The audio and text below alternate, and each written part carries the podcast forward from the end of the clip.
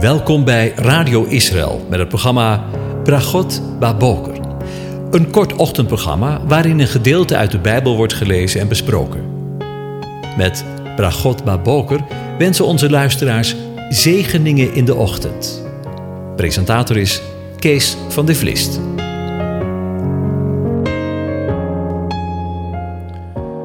Goedemorgen, Bokatov, beste luisteraars. Vanmorgen gaan we weer verder met het overdenken van Psalm 96. En ik lees de eerste acht versen weer aan je voor. Zing voor de Heere een nieuw lied. Zing voor de Heere, heel de aarde.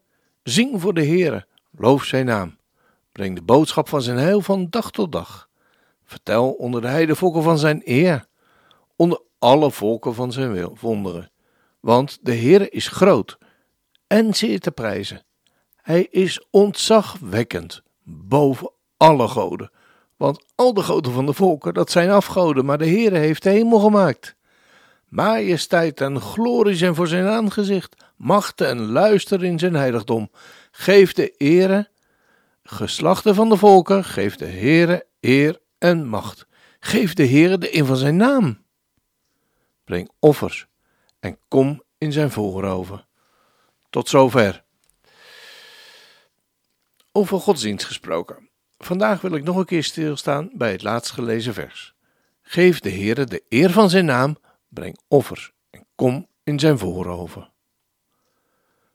De voorgaande keer kwamen we via dit vers bij Romeinen 12 terecht, waarvan we het eerste vers lazen.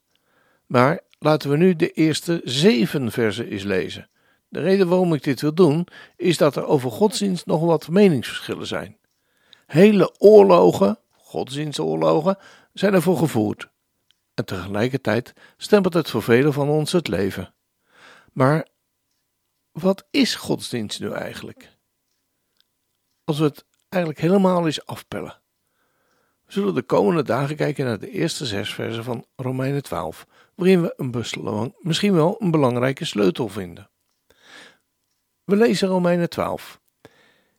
Ik roep u er dan toe op, broeders, door de ontfermingen van God, om uw lichamen aan God toe te wijden als een levend offer, heilig en voor God welbehagelijk. Dubbele punt. Dat is uw redelijke godsdienst. En wordt niet aan deze wereld gelijkvormig, maar wordt innerlijk veranderd door de vernieuwing van uw gezindheid, uw denken, zegt de nieuwe Bijbelvertaling. En om te kunnen onderscheiden wat de goede, welbehagelijke en de volmaakte wil van God is. Want door de genade die mij gegeven is, zeg ik, ieder onder u niet hoger te denken dan die moet denken, maar laat u denken in bescheidenheid, naar de mate van het geloof zoals God die aan een ieder heeft toebedeeld. Want als wij één lichaam vele leden hebben en de leden niet dezelfde functie hebben, zo zijn wij, hoewel vele, één lichaam in Christus. Maar ieder afzonderlijk leden van elkaar. En nu hebben wij genadegaven, onderscheiden naar de genade die ons gegeven is. Tot zover. In de bovenstaande verse ontvouwde Paulus een aantal opeenvolgende stappen. Wat is de eerste stap die God van ons verwacht? Dat je je lichaam aan Hem toewijdt. En de meeste mensen beginnen met het geestelijke, maar God begint met het natuurlijke. Hij zegt: Ik wil dat je je lichaam, met alles erop en eraan, ik wil je helemaal, je geest, je ziel, je lichaam. Geef mij het vat en de inhoud ervan wil ik ook. Vervolgens zegt God: ik wil dat je je lichaam aanbiedt op het altaar als een levend offer. Als een levend offer?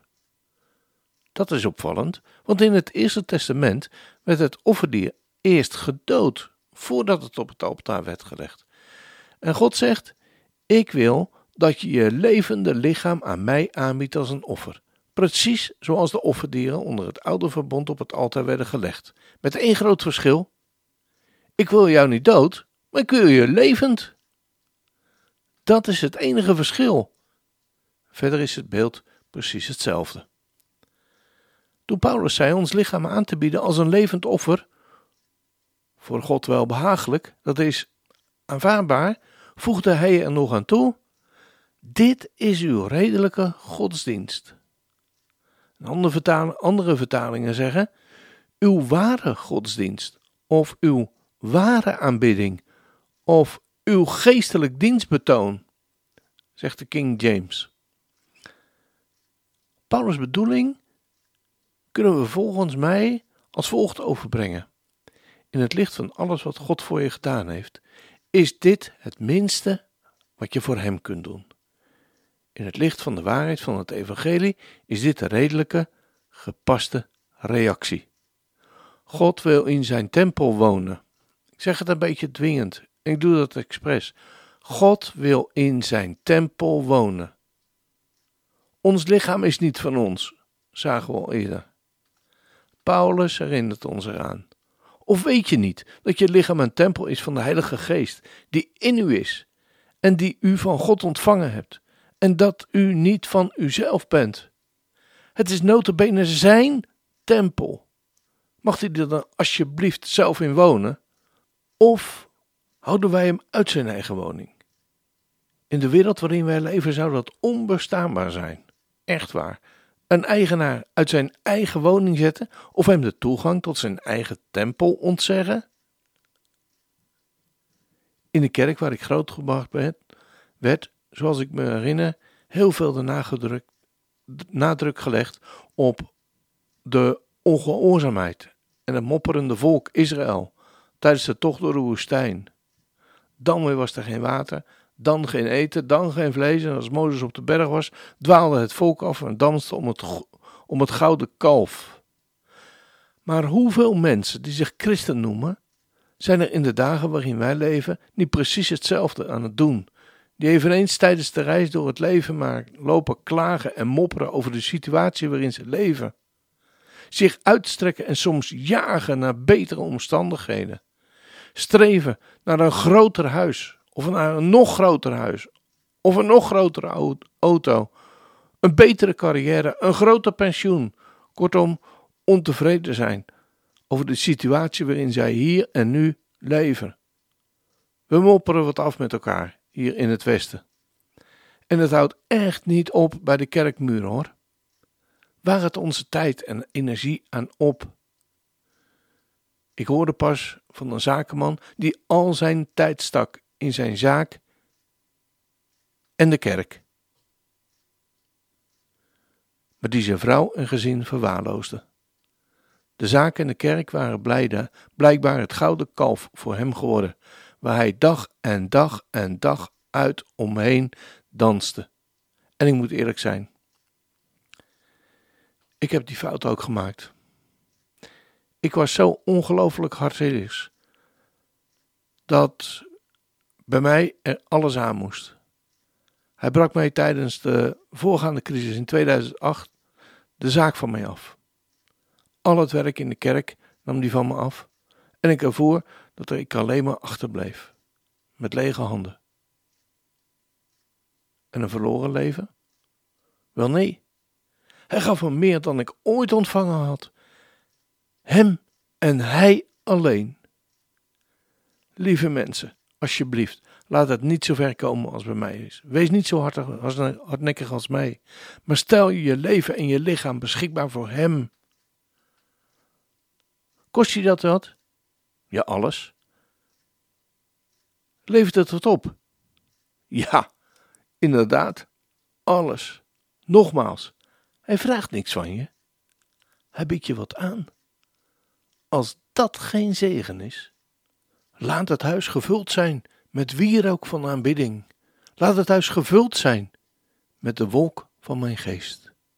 Laat het huis gevuld zijn met het brood van eeuwig leven. Laat het huis gevuld zijn met mijn geur. Want ik wil komen met mijn geest en doorwaaien heel het huis.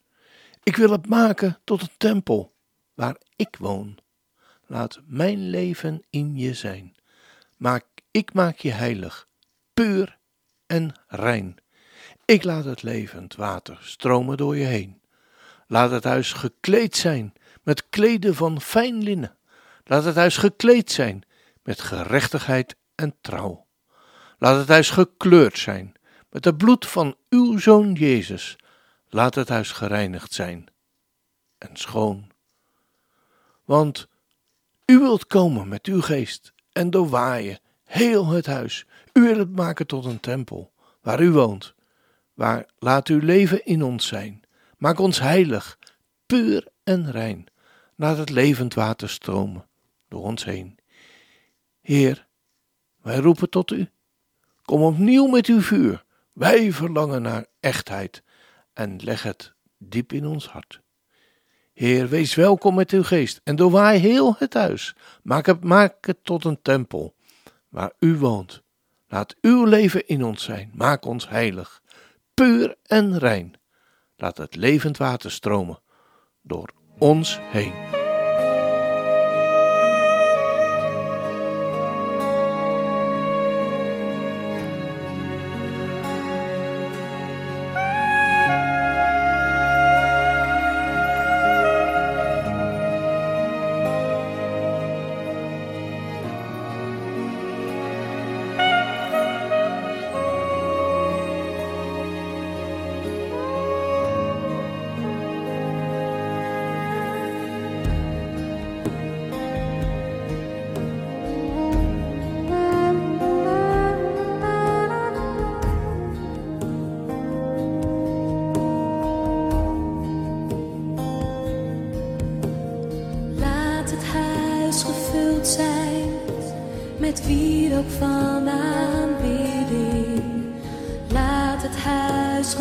Zijn met de wolk van mijn geest. Laat het huis gevuld zijn met het brood van eeuwig leven. Laat het huis gevuld zijn met mijn geur. Want ik wil komen met mijn geest en doorwaaien heel het huis. Ik wil het maken tot een tempel waar ik woon. Laat mijn leven in je zijn. Ik maak je heilig, puur rein. Laat het levend water stromen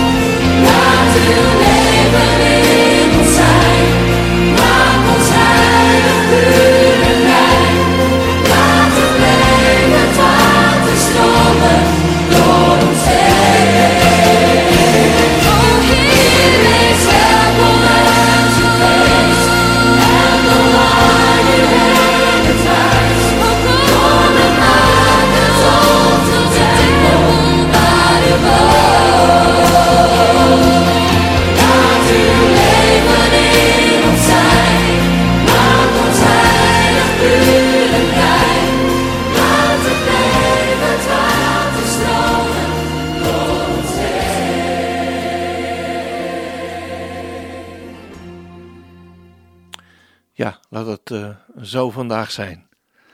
De Heer zegene en hij behoedt je. De Heer doet zijn aangezicht over je lichten en is je genadig. De Heer verheft zijn aangezicht over je en geeft je zijn vrede, zijn shalom. Amen.